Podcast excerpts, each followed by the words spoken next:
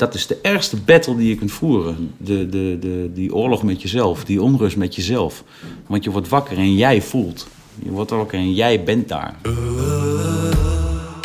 Ik ben Koos en dit is mijn podcast Eerlijk over alcohol, waarin ik in gesprek ga met verschillende mensen die zijn gestopt met het drinken van alcohol of minder zijn gaan drinken. Ik drink nu drie jaar niet meer en het is echt waar. Leven zonder drank is leuker, liever, eerlijker en echter. En daar gaat deze podcast over. In deze aflevering praat ik met Thomas Bergen. Hij begon, net zoals heel veel andere mensen, al heel jong met drinken. Ik wist het eigenlijk al vanaf het eerste moment, vanaf het eerste slokje. Dit vind ik veel te lekker. Uit onderzoek blijkt dat hoe jonger je begint met drinken, hoe groter de kans is dat drank op latere leeftijd een probleem voor je wordt. Ik dronk een, denk ik wel een fles wodka weg ja, per dag. Thomas werd 30 jaar geleden in Haaksbergen geboren als Giel Ottink en werd in 2003 bekend als het jonge onschuldige zangertje met de lange blonde haren. Mijn luchtballon vliegt naar de zon. Met daaraan een wens voor een medemens. Mocht jij haar vinden. Ik ben in Alphen aan de Rijn onderweg naar Thomasbergen.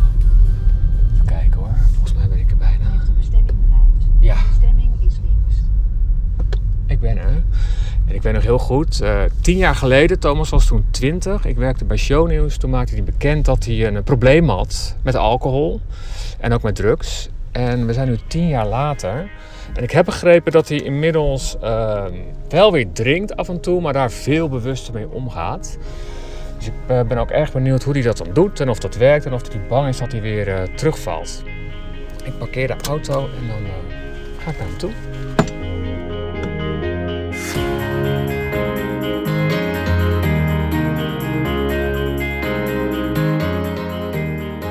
Ik kan me nog heel goed herinneren dat eh, het is alweer tien jaar geleden dat jij naar buiten kwam met jouw verhaal. Is dat tien jaar geleden? Ja, je was twintig. Ja, tien, tw- ja negen, negen, tien jaar geleden. Ja, ja, ja, ja.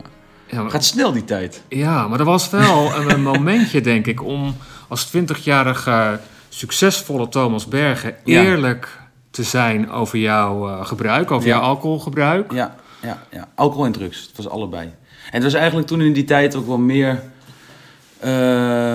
moet ik zeggen, eh, ehm, eh, ja, niet, het was niet, niet, niet heel erg prettig. Ik was de eerste soort van, ik voelde me de eerste bekende Nederlander die ermee naar buiten kwam. Als ik achteraf terugdenk, was dat misschien ook zo. Ehm, daarna heb ik wel gemerkt, waar ik heel dankbaar voor ben, is dat er echt heel veel andere bekende Nederlanders zijn opgestaan en, en ermee naar buiten zijn gekomen. Ehm, want je hoorde het wel eens in de wandelgangen, maar het was nooit echt dan bevestigd of er is een interview omgegeven of iets in die richting. Dus dat was wel iets waar ik trots op was. Ehm, ja, het, het, het, het, het, eh, het kwam niet vanuit mezelf.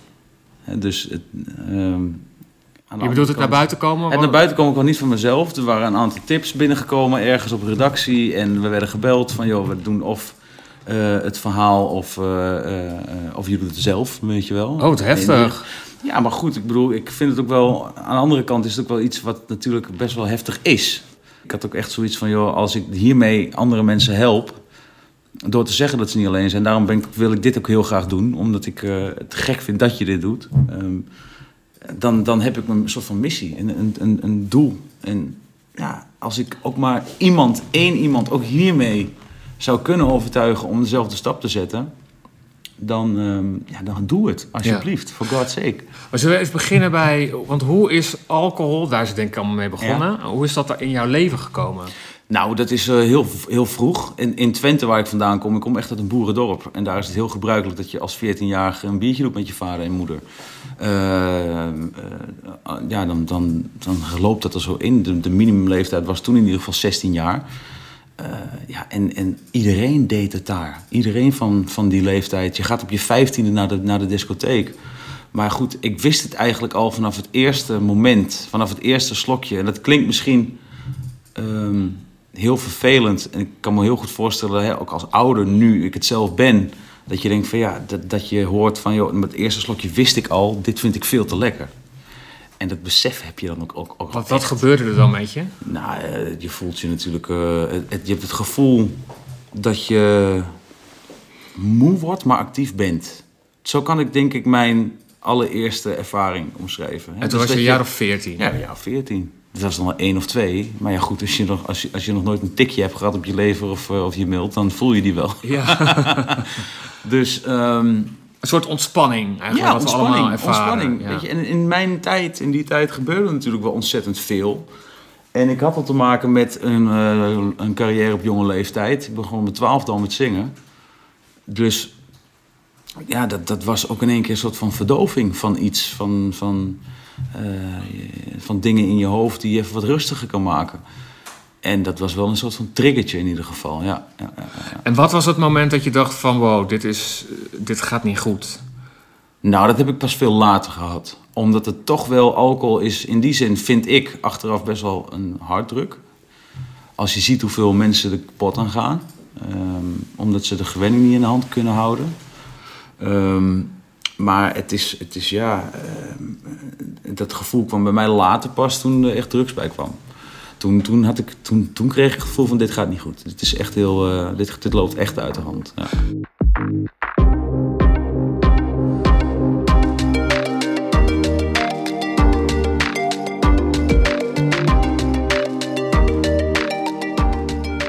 Ik heb nu eh, bijvoorbeeld, ik hou van een glas wijn. Ja. En dat komt omdat ik het lekker vind. Maar ik vind het ook leuk om te weten waar die wijn vandaan komt. Uit welke streek. Eh, ik hou heel van Italiaanse wijn. Maar moet je echt geen Franse gaan geven. Weet je, dus dat is een heel, dat is, daar zit een verschil. Ehm, dat is eh, in de hand te houden. Maar als ik merk van, oh, dit gaat niet goed. Of het wordt te veel, of het wordt gewenning. ehm, dan weet ik precies wie ik moet bellen. Dan heb ik de tools om ook weer gelijk daaruit te stappen en te zeggen van... oké, weet je wat het is? We doen even drie weken, vier weken, vijf weken... Of, of hoe lang het duurt, doen we het gewoon niet. Of alleen met mijn meisje, of alleen met... Hè, dus op die manier. Ja. En ehm, dat werkt voor mij. Maar ik weet bijvoorbeeld met, met, met coke is het gewoon... die eerste is te veel... en als ik er overheen ben, is duizend niet genoeg. Ja. Dus die drempel die ligt voor mij nu daar. Ja. Als ik er overheen ga, heb ik een probleem. Maar tot nu toe is die drempel nog heel erg hoog. Maar is het dan niet zo dat als stel je drinkt dan een wijntje... en dan geniet je daarvan en je neemt er dan nog één... want vaak zijn het er meer dan één... Ja. dat je dan ook makkelijker in de verleiding komt om weer kook te gaan gebruiken? Ehm, dat is denk ik voor iedereen verschillend. Dat is Maar voor jou? Ehm, voor mij niet. Nee, die trigger is er niet. Nee, nee, nee, nee. Die trigger kwam bij mij ook echt als ik heel erg lam was, bijvoorbeeld wel. Maar ik ben niet heel erg lam meer geweest. Nee? Dus dat, dat, echt dat punt, nee. Als je het puur ziet als, als iets waar je van geniet... en waar je heel veel eh, eh, waardering voor kunt hebben... hè, om het maar zo te Voor een goed glas wijn? Ja, Oh, echt de waarde. Kijk, je creëert alles wat je, wat je doet, daar leg je een bepaalde waarde achter. En het ligt maar net hoe je die waarde stelt. Dus voor mij is die waarde eh, eh, een st- stukje passie misschien. Ehm, en dat maakt het dan heel anders. Maar ik moet zeggen, ik, ik, ik, ik, ik spoor het niet aan. Ik heb er vier jaar ook niet gedronken. Weet je wel. Toen- Je was twintig, toen, hè, toen kon je weer naar buiten. 24 niet gedronken. Ik heb voor de eerste keer een, een, een, glas witte wijn samen met Meerte op Curaçao gedronken. Dus jouw ex-vriendin, Ja. de moeder van je Ja, van je dus we waren daar op vakantie. Jack was daarbij. Mijn ouders waren erbij. En we zitten op een, een van de mooiste restaurants in Curaçao. En eh, het was eh Oudjaarsdag. Eh, of ergens na Oudjaarsdag. En een heel, heel mooi visje. En weet je, snap je dat, dat gevoel op een eiland? En het is allemaal goed en life is good. En we zijn hier met z'n allen, met de hele familie. En eh, het was van, joh, ik, de- ik, ja, ik denk dat ik gewoon een glaasje wijn wil. En toen? Het was een heel tafereel van, van, van, van zou je dat wel doen? En dus ik zeg van ja, maar ik, ik voel me, ik ben sterk. Nou ja, het, ik vind het heel mooi om te horen dat jij dus... eh, je bent heel diep gegaan daarin. Ja. Maar je hebt het nu dus wel helemaal onder controle. Dus ook Ja. jouw alcoholgebruik. Dus Ja. het is, je weet van jezelf dat je niet moet doorslaan. Ja. Maar eh, sinds dat ene wijntje na vier jaar weer op Curaçao... Ja. kun jij dus gewoon zelf de keus maken. Ja, en ik moet wel heel eerlijk zeggen, als ik merk, want nu bijvoorbeeld met corona, ehm, er is bijna geen kans op optredens. Eh, ik heb de 80 moeten zien ehm, verdampen. Er gingen 80 optredens voor jou niet door. 80 gingen er niet door in één zomer. Zit ik even uit te rekenen. Dat is heel veel geld. Kijk, dan kunnen de omstandigheden zo worden dat je je anders gaat gedragen in je alcoholgebruik, bijvoorbeeld. En toen merkte ik ook wel van, oké, wacht, ho, even. En toen ging je drinken. Nee, ik moet zeggen, ik was toen op vakantie met Jack en toen dacht ik, ik kan deze kant op gaan, kan ik de andere kant op gaan. Als ik het makkelijk ga doen, ga ik meer drinken. Heb ik in die tijd misschien ook wel, hè, I admit, eh, eh, misschien iets te veel gedronken om iets weg te halen. Maar ik denk juist van, joh, kijk nou even wat je aan het doen bent. Je voelt dit, ga nou even door dat gevoel. Haal het, probeer het niet weg te duwen doordat je gaat drinken, maar, of iets meer gaat drinken of whatever. Maar pak hem even. En toen heb ik ook een aantal weken geleden gezegd, joh, this is not the way. Ik weet wat ik doe en ik ben me daar heel erg van bewust. Het probleem zit in je hoofd. Ja. En als je dat kunt tackelen en je weet precies welke mensen je moet bellen, welke boeken je moet lezen en welke documentaires je moet gaan kijken, dan tackle je dat probleem. En op dat punt zit ik. En dat is dus ook met alcohol, dat is ook met drugs. eh, en dat is met eigenlijk alles waar je, of welke substantie dan ook, waar je verslaafd aan zou kunnen raken. Of En, maar hoe was het met jou? Want hoeveel dronk jij da- dan op jouw hoogtepunt of dieptepunt? hoogtepunt, Mijn hoogtepunt, ja, dieptepunt. Hoogtepunt. ik dronk een, denk ik wel een fles wodka weg. Ja, per dag. Per dag? Ja, dat was echt mijn dieptepunt. En dat is ook een van de dingen die me heel erg hebben gekwetst. Van joh, ik ben daarmee naar buiten gekomen toen ik een half jaar clean was. Waar ik echt super trots op ben. Ja, Ja. Je weet zelf hoe dat voelt. Je doet heel veel mensen heel veel pijn in die tijd. En je maakt heel veel mensen onzeker hè, over de relatie die je hebt met mensen. eh, die gelukkig nu allemaal hersteld zijn. Maar je maakt mensen ook onzeker. Je doet mensen ook pijn. Maar vooral jezelf. Ja. Hè? En dat is de ergste battle die je kunt voeren. De, de, de, die oorlog met jezelf, die onrust met jezelf. Want je wordt wakker en jij voelt. Je wordt wakker en jij bent daar. En, ehm, dus ik was heel erg trots. En dan heb je toch nog mensen in die tijd die zeiden van... joh, dit is een publiciteitsstunt bijvoorbeeld. Oh ja. Weet ja. je wel, of hij wil meer rock'n'roll zijn. What the fuck, ik hoef niet meer rock'n'roll te zijn. Weet je wel, want sterker nog, die rock'n'roll tijd heb ik niet eens gedeeld. en het is niet rock'n'roll, want ik zat in mijn eentje op de bank met een paar lijntjes voor mijn neus naar Comedy Central te kijken. Want dat was het enige waar ik me vrolijk van werd. Ja. Dus wil je alsjeblieft je mening even voor je houden. Hè? Thomas en ik trouwens ook begonnen op jonge leeftijd met drinken. Hoe gevaarlijk is dat? En wat is een kater? En waarom ben je zo misselijk? En heb je hoofdpijn na een avondje doorzakken? Erik Scherder. Ik bel met Erik Scherder. Hij is hoogleraar neuropsychologie en hij weet alles van wat er in onze hersenen gebeurt. Die hoofdpijn, daar vroeg u ook naar, hè, van eh, waar komt dat vandaan? Eh bij zijn hangover. Een van die ideeën is dat er een vaatverwijding ontstaat. En in die, en die vaatverwijding zorgt dan voor hoofdpijn. Ja. Dat is één. En de, het braken en misselijkheid ontstaat omdat alcohol in principe zorgt voor een, een negatieve reactie van, je, van het maagslijmvlies. Ja. Er ontstaat een soort gastritis, dus een ontsteking van je maagwand. Eh, en je eten verteert niet wat erin zit. Oh. Dus alcohol belemmert de passage van het voedsel van je maag naar je darm. Oh, dat is misschien... En Is dat ook de reden dat je soms, soms moet overgeven als je te veel door elkaar... ja, ja, dat, dat, dat vomiting, hè, dus eh, niet alleen dat je misselijk bent, maar dat je ook eh, echt moet overgeven. Dat komt daardoor omdat het voedsel niet verteert. Dus het is, dat, gaat niet, dat gaat niet weg. Ondertussen heb je een ontsteking van je maagzijmvlies of je een irritatie, kan je ook zeggen. Ja. Eh, en dan, ja, moet je het toch kwijt. Dus dat geeft dat enorme slechte gevoel. En vergis u niet, eh, er zijn nog andere dingen. Denk aan dat u ontzettend veel moet plassen door dat drinken. Ja. Oh dus ja. het, het hormoon wat, wat, eh, wat zorgt dat je de urine binnenhoudt, dat neemt enorm af. Dat plas je ook uit. Dus je plast zoveel dat je daarmee ook, eh, laat ik zeggen, belangrijke metabolieten, hè, dus eh, stofjes die u nodig heeft voor de stofwisseling, voor het metabolisme, die raakt u ook kwijt. Oh dus er ja. ontstaat een enorme disbalans door het enorme vochtverlies. Uitdroging, hè, een van de factoren natuurlijk. Maar er staat ook een, ontstaat een enorme disbalans in je stofwisseling, in je huishouding. Ja. Ja, dat... Dus denk ook bijvoorbeeld aan het, je krijgt een, reactie op je nieren, op je lever. Nogmaals, ik las niet in die studies, dus je gaat dood. Hè. Nee, nee, nee. Van hoe slecht is het? Ja, want ik leef ook Nou, nog hoor, dus... Ja, daarom. En, en, eh, en u maakt een zeer competente indruk, dus eh, ik maak me geen zorgen over. Nee. Maar, eh, nee. maar je ziet wel, als je het leest, dan merk je, dan lees je dus wel dat het niet niks is wat zich eh, daar afspeelt. Ja. Ja, ik lees ook veel over eh, hè, hoe jonger je begint met drinken, hoe gevaarlijker het is, of hoe groter de kans is dat je daar later eh, problemen mee krijgt, en een drankprobleem kan krijgen. Wat weet je daarvan? Nou ja, je zag in de studies die ik nu heb opgezocht, de meest recente, dat al hoe jonger je begint, zit daar dan die erfelijke factor in. Want als dan, zij, zij zeggen dan, waarom begint iemand zo jong? Is dat dan al een verminderde controle op je impulsen, op je remming? Is dat dan al een teken dat je eigenlijk, ehm, ja, zeg maar, daar op dat gebied gewoon weinig controle hebt? Dat zou al een teken kunnen zijn dat die hersenen op zich anders zijn aangelegd. Ja, ja, ja, ik denk dat voor heel veel mensen is het gewoon normaal dat als je een jaar of 15, 16 bent, dat je dan je eerste drankje krijgt. Ja, maar u begrijpt, er is natuurlijk verschil tussen je eerste drankje en ik stop met drie bier. Ja, Of eh, ik heb geen remming. En, Nee. en, dat is, en dat is natuurlijk het verschil tussen mensen. ja, Dat kan een aanlegkwestie zijn, dus een, ook een erfelijke aanleg zijn. ja.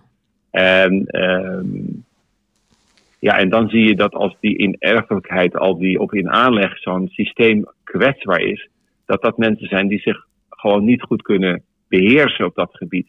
En dan is de kans dat je doordringt, ook als je over de puberjaren heen komt of als je wat ouder wordt. eh, dat dan de- dat systeem zich misschien ja, niet herstelt. Dat was in aanleg ook al niet zo sterk, zo moet ik het eigenlijk zeggen. Nee, oké, het is eigenlijk dan vlek op vlek, zou je kunnen zeggen. Ja, hè, dus dat, zijn, dat kunnen mensen zijn die zeggen: Ja, ik ben altijd, eh, ja, ik ben altijd in voor een, eh, eh, even een biertje.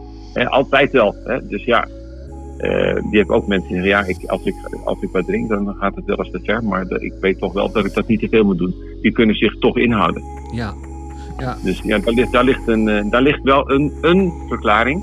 En dan zou je kunnen zeggen: Is het op de duur schadelijk? Maar ja, als in aandacht de hersenen al kwetsbaar zijn in het controleren van je gedrag, dan is de vraag: wat is er nou het eerste? Terug naar Alphen aan de Rijn. Met Thomas Bergen praat ik verder over zijn gebruik.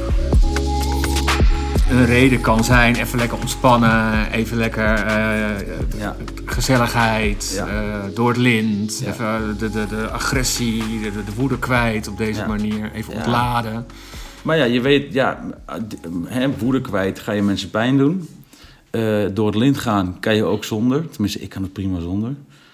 Ik kan echt een leuke tijd hebben op water. Dat klinkt heel gek. Maar dat is omdat ik echt in het moment leef. En echt die tools heb gepakt. En ehm, in mezelf heb geïnvesteerd. En dat is veel meer waard. En moet ik wel zeggen, ehm, jij, jij kent het gevoel van Expeditie Robinson. Ja, Weet je, vorig jaar heb ik dan mee mogen doen. En dat is echt hoe ik het zie. En dan ben je van alles af. Dus geen nicotine, geen alcohol, geen, gewoon helemaal echt alleen fucking water en meel. En af en toe misschien een beetje vis en kokosnoot. en jezelf. En jezelf. En ik merkte door alles wat ik had meegemaakt. En op een gegeven moment kom je op een bepaald punt. Ik werd wakker en ik denk van holy fucking shit. Ik word wakker van de zee. Ik spring daarin. Ik kijk om me heen. Ik ben, ik ben echt ubergelukkig. Gewoon echt helemaal zen. En eh, ik heb niks. en dat is gevaarlijk fijn. Ja, hè? Maar wat Gevaarlijk, is daar dan gevaarlijk aan? gevaarlijk fijn dat je gewoon echt, ehm, nou ja, dat je een soort van denkt dat je het door hebt. Ja, Dat je denkt van, oké, luister, ik heb dus gewoon nu niks. En, nou ja, en ik, zeg, ik leg het ook wel eens uit dat je, eh, en herstel me als jij dat anders ziet, maar dat je eigenlijk in het leven niks nodig hebt. Ja. Alleen jezelf en dan iets meer eten en vooral Precies. liefde. Heel veel Want liefde. dat mis je. En mis je dan Ja. wel gewoon iemand hè, waarvan je, van wie je houdt. Ja, Maar alles wat wij hier hebben is eigenlijk extra. ja, ja, dat is het. Alles, alles is extra. Het is allemaal decor. Het is, het, ja, ja. het is allemaal de, precies hoe je het zegt. Weet je, je, maar je hebt wel een gevoel. En ik ben, Ja. en om terug te komen op bijvoorbeeld corona. Zie je mensen die veel meer alcohol... Oh god, je wil niet weten. Ja? Ik zie het ook in mijn omgeving hoor. Mensen die toch vaker... eh, de fles gaat toch wat vaker over omdat je open omdat je thuis zit en, en niet zo heel veel meer te doen hebt. Het is verdoving van een gevoel. Ja. Wat heeft het jou opgeleverd? Het niet meer drinken. Bij alles. Zoals? Alles, alles, alles, alles, alles. Het niet meer drinken en gebruiken heeft mij opgeleverd dat ik eh, ten eerste voor mezelf dat ik heel gelukkig weer ben. Want ik was echt heel erg ongelukkig. Ehm, Wat het gekke is, eh, ik, want ik ken je ook vanuit die tijd dat je dus eh, heel veel gebruikte, maar Ja. ik, ik heb dat nooit gemerkt. Nee. Je leek altijd heel erg gelukkig en Ja. je was succesvol Ja. en je was het onschuldige blonde zangetje. Ja. En, dus verschuilde een soort van tweestrijd. En ehm, die was verschrikkelijk. Want als ik thuis kwam, kwam ik in mijn eentje. Echt nobody kwam, eh, kwam ik thuis. En dan ging ik lekker verdoven. Dat was mijn, eh, dat was, dat was pijn. Dat was echt, echt pijn. En je zegt, eh, ik ben meer van mezelf gaan houden. Ja, En ik, ik weet wat je bedoelt, want dat ben ik namelijk ook gaan doen. ja. Maar ik kan me ook voorstellen dat mensen denken, oh, dat klinkt wel heel zijig. ja dat snap ik. Wat, wat is dat dan? Mm. Nou ja, goed. Je moet het zo zien. ehm, dat je jezelf elke dag helemaal de tyfus slaat. Om heel kort gezegd te zeggen. Ehm, sommige mensen hè, gebruiken alleen in het weekend... maar voelen zich gewoon de hele, de hele week gewoon ellendig. Ja, Dat, is, dat doe je jezelf aan. Ehm, je moet het vergelijken als... ik ga gewoon vrijwillig in de ring staan tegen Rico Verhoeven. Ik laat me elke dag eh, eh, ja, gewoon verrot slaan, maar dan psychisch.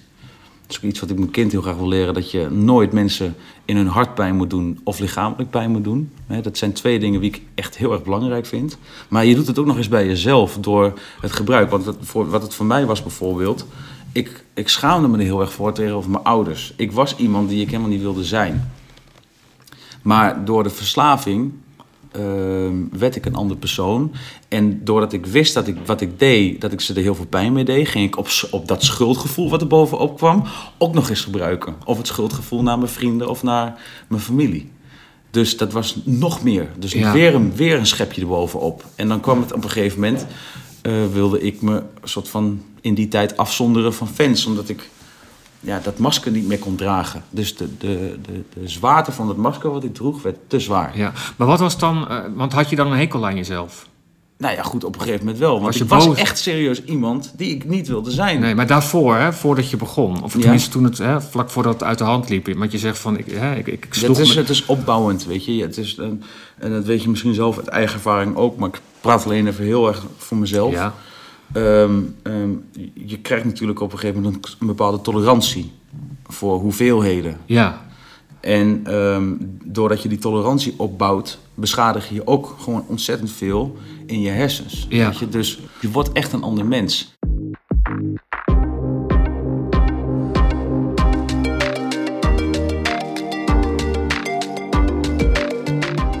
Toen ik die weg van herstel inging, toen, werd het een, toen werd, ging het van pijn naar liefde.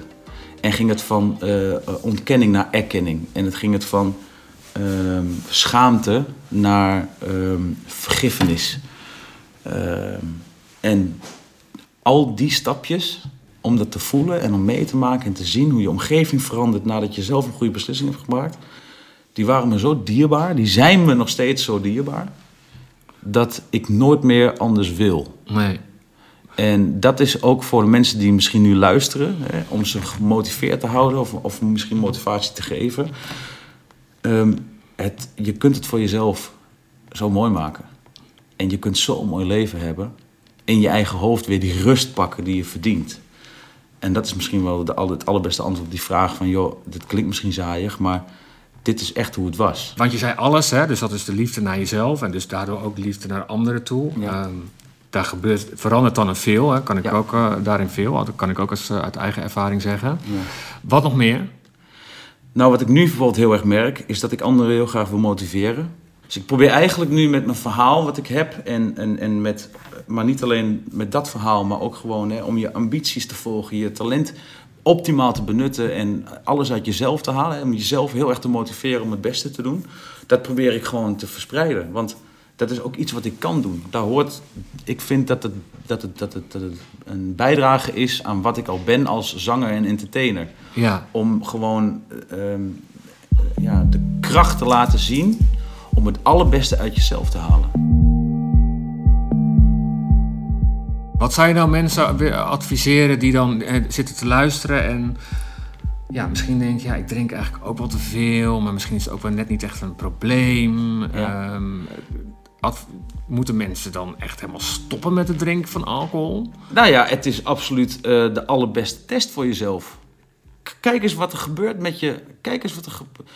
Dan, dan, dan moet je het zien als een. Ik zie het als een challenge. Ehm, je hebt een bepaalde tolerantie opgebouwd, omdat je misschien elke dag drinkt. Sinds hè, waar we nu bijvoorbeeld in zitten. Eh, in de huidige maatschappij. Corona, Dat je ja. denkt van ik moet mezelf even pinchen. Gebeurt alles wat, ik nu, wat er nu gebeurt, gebeurt het eigenlijk wel echt? Ja, dat gebeurt echt.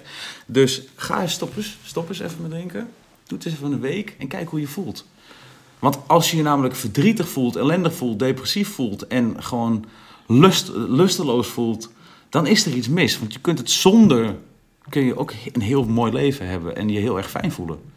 Dus kijk eens of je je een beetje kut voelt of heel erg goed voelt. En of je er last van hebt. Ja. Ik heb echt in de spiegel gekeken en ik dacht dat ik de duivel zag. Oh ja? Omdat ik, ja, ik had echt drie dagen niet geslapen en ik had eh, van alles in mijn systeem. Dat je zelf tegen jezelf zegt van, joh, ja, maar dit is niet goed. Je moet hier wat aan gaan doen. En dat was de sterkste, dat was de overtuigendste, de meest overtuigende. En toen ben ik ook echt gewoon, gewoon in één keer gestopt. Nou, ik had ook wel echt in die kliniek, want ik ben toen naar eh, Amsterdam gegaan, doorverwezen naar Portugal. Daar ben ik eh, een maand ongeveer ben ik daar geweest. En ja, dat, dat, die zelfconfrontatie, dus dat stukje dat je zelf zegt van, joh, je hebt een probleem, dat is de meest confronterende ook wel. Ehm, maar tegelijkertijd ook de meest mooie, want je kan nu niet terug. Ja. Weet je, je hebt het zelf toegegeven, ook naar jezelf toe. Nou ja, het is, het is eerlijk zijn Eerlijk zijn, ja. ja. over je gebruik, over eh, drank of wat dan ook. Mensen zeggen ook wel eens, vragen ook wel eens aan mij van... ja, maar wanneer heb ik dan een probleem? Dat ligt helemaal, het ligt niet aan hoeveelheid, het ligt niet aan substantie. Het ligt gewoon hoe je je voelt. Het ligt echt aan hoe je jezelf voelt. Je, ik, ik bedoel, ik heb nooit met een heroïnenaald onder een brug gelegen, weet je wel. Maar ik vind voor mezelf dat ik genoeg heb gehad, ook op jonge leeftijd...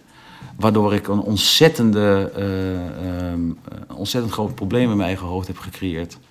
Weet je, dus iedereen is gelijk. Je, je, ook al heb je, ook al denk je na, na een maand of drie maanden van gebruik of van alcoholgebruik, je gaat echt ver of dit zou wel eens een heel groot probleem kunnen zijn, dan kun je beter voorkomen. Voorkomen is beter dan genezen. Ja. Weet je wel? Doe het, doe het alsjeblieft jong. Ja, het verschil, ja, maar het verschil is wel, als je jong bent... dan heb je nog niet zo heel veel last van de naweeën, weet je. Tenzij, ja, snap je? Ja, toen ik, toen ik jong was ik, was, ik werd elk weekend dronken... Ja. Maar dat was ook normaal. Weet je? hè? Tot mijn. 5, 26e was er eigenlijk niks aan de hand. Dat Pas na mijn zo. dertigste dacht ik, hè, toen ik ging werken en carrière kreeg, toen dacht ik echt wel, oh ja. Ja, is ook zo. Is ook zo. En het ligt ook aan druk. Het zijn ontzettend veel dingen waar je rekening mee moet houden.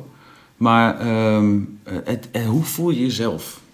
Ik was twintig, maar het- geloof me nou, ik heb zoveel pijn gevoeld in die tijd. En zoveel verlichting na die tijd. Dat ik er heel dankbaar voor ben dat ik het nu al heb gedaan. Wat zou je nog tegen mensen willen zeggen die ehm, In gebruik zijn. drinken? Ehm, maar een probleem hebben. Ja, dan- maar dat is dus de vraag. Wanneer heb je een probleem? Er zijn denk ik heel veel mensen die misschien wel dagelijks twee, drie wijntjes drinken, maar toch, eh, Vaak weet je het van jezelf wel. ja hè? You know. En je weet precies wat je moet doen om het niet te doen. Je weet het. Dus dat is het ook. Ik wist het wel. Dat is het ook achteraf. Ik wist het wel. Ik wist het al die tijd. Ik wist het.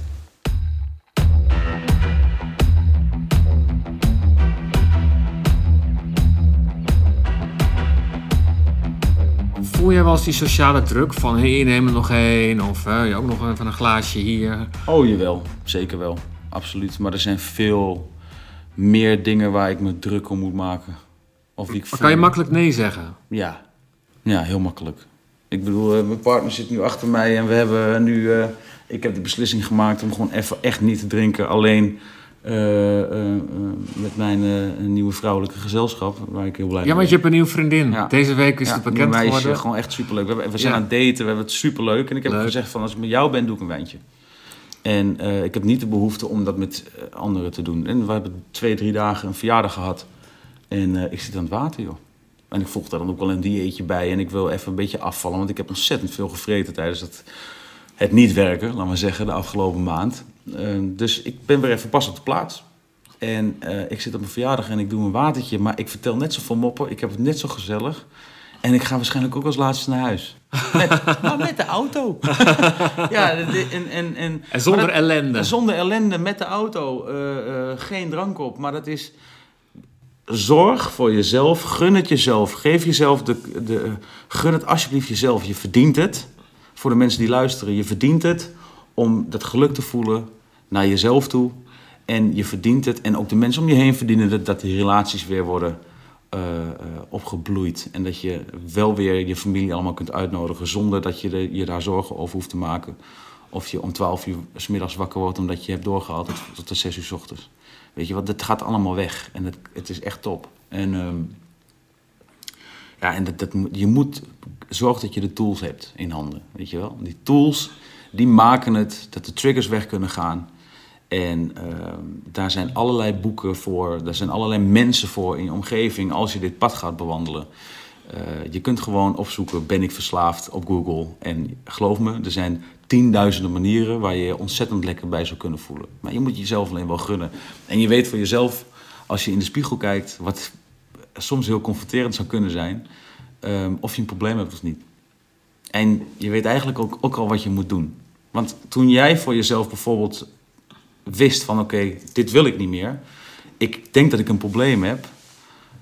Wat heb je gedaan? Je wist precies wat je moest doen. Ja. Je wist het exact. Ik wist precies waar ik naartoe moest bellen. Ja. Ja. Dus, dus het is niet van, het is ook, en dat heb ik ook geleerd tijdens die studies. Als je iets, als je van iets in, eh, wat voor nu nog op dit moment een, ik zou het kunnen doen, ik kan het doen, ik hoop dat ik ooit de kracht krijg om, nee, nee, nee, nee. Je moet al, je moet dat, ik hoop, ik zou het kunnen, ik kan. Er zijn honderdduizend manieren wie je zou kunnen opnoemen. Je moet al die honderdduizend manieren, moet je één ding van maken. Ik moet. Ik moet. Als je van al die dingen een moet maakt, dan pas ga je resultaat zien. Want dan heb je vooruitgang en dan heb je groei. Als je daar geen moed van maakt, joh, ik wens je een prettige wedstrijd, maar gaat het niet gebeuren. Jij moest. Jij moest afkicken, want jij wilde dat voor jezelf. Ja. Voor je omgeving. Ik moest dat ook. Toen ik er een moed van maakte, achteraf gezien, toen, toen ging er een hele andere wereld me open. Ja. Toen werd het allemaal anders. Dus maak van die ik kan, ik mag, ik whatever. Doe het voor jezelf. Ook niet voor je. Het klinkt heel, heel, heel egoïstisch, maar doe het niet voor je kinderen. Doe het niet voor je relatie. Doe het niet voor je ouders of je familie, whatever. Doe het voor jezelf. Want alleen als jij verandert, veranderen de mensen om je heen. Je Ja. moet het niet doen om iemand anders te veranderen. Of iemand anders, oh, als ik dit doe, dan voelt diegene weer liefde voor mij. Hoe, want ik wil die liefde van hem, dus ik ga veranderen voor hem. Nee. Als ik laat zien dat ik, de, dat ik weer mezelf ben, dan komt die liefde van hem of haar automatisch weer terug. Maar ook van die, en ook van die, en ook van die, en ook van die. Het levert je echt veel meer op dan je eigenlijk van tevoren kan bedenken. Ja. Dat is eigenlijk mijn Ja, ervaring. ah, ja, niet normaal. Niet normaal. Mooi verhaal, eh To. Ja, Giel, hè, zeg je eigenlijk over jezelf. er zijn denk ik nog steeds heel veel mensen die dan niet weten dat jij eigenlijk Giel heet. Ja, dat is waar. Gek, hè? Ja, ik ben echt naam is Giel. En eh, ja, en eh, daar ben ik ook trots op. Ik ben trots op Giel en Thomas, allebei. Ze zijn ook wel echt naar elkaar toegegroeid. Dat, en dat is ook wel grappig. Oh ja? Ja, ze, de, de, op zich... eh, soms dan weken ze wel eens een beetje af. Thomas kon op een gegeven moment... dat- Thomas is natuurlijk de artiest. Hij kon het showmannetje nog wel eens zijn, Ja. weet je wel. Die kwam af en toe op een verjaardag ook nog wel eens even om de hoek kijken. En dan eh, zette die Giel even op de achterbank. En die zijn ook wel samen... Dat klinkt heel schizofreen. Maar als ik op een podium sta, ben ik honderd keer mezelf. En dan, eh, dan, dan... En dat is ook mooi, want dan bereik je veel meer mensen. Dan, dan is het veel magistraal, veel gro- groter. En ja, dat gebeurt gewoon. Als, je, als, ik, als ik één voet op een podium zet, dan wil ik iedereen iets vertellen, iets, iets laten voelen. En dan met muziek mag ik dat doen op het podium. En in deze zin mag ik dat doen voor de mensen die luisteren. Ja, dat is gewoon tof aan, ons, aan, aan het vak. Ik zie het, ik zie het echt ontzettend breed. Gewoon aan, aan iedereen een stukje meegeven waar je wat gelukkiger van zou kunnen worden. Dat is mijn doel. Mensen het lijden verlossen. Dat is heel lief. Ja, Dankjewel. dankjewel. Jij bedankt.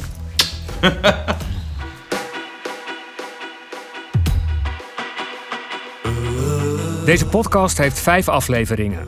Luister ook mijn gesprek met actrice Sarah Gronis. Zij is gestopt met het drinken van alcohol, maar krijgt daarover veel vragen. Wat ik heel veel heb meegemaakt is dat je in een club staat en zegt, als iemand zegt, wat wil je drinken? En je zegt, nou, eh, doe maar een spa rood. En dan zegt iemand, eh, yeah right, oké, nou, eh, twee bier. Journalist Jan Heemskerk was ooit gezelligheidsdrinken, maar daar denkt hij nu inmiddels heel anders over. Nou, zegt ze, je zou natuurlijk in plaats van vijf glazen witte wijn per dag ook één glas rode wijn per dag kunnen. Nou, ik ben echt ontploft. Zegt ze. Wat pak je me dat nou ook nog af? Olympisch schaatskampioen Marianne Timmer vertelt of sport en alcohol samen kunnen gaan. Ik was 22, toen won ik mijn eerste weken afstanden. Nou, dat ga je echt wel vieren. En ik heb een gesprek met mijn begeleider uit de verslavingskliniek over hoe ik mijn probleem met alcohol heb opgelost. Ik weet nog heel goed dat ik hier naartoe belde. En het eerste wat ik vroeg was: mag ik dan nooit meer drinken? Of ga ik dan leren omgaan met? Ja. Toen zei de, de lieve mevrouw aan de telefoon: nee, wij hanteren stoppen. Deze podcast is gemaakt in samenwerking met het ministerie van VWS en een productie van Koos van Plateringen.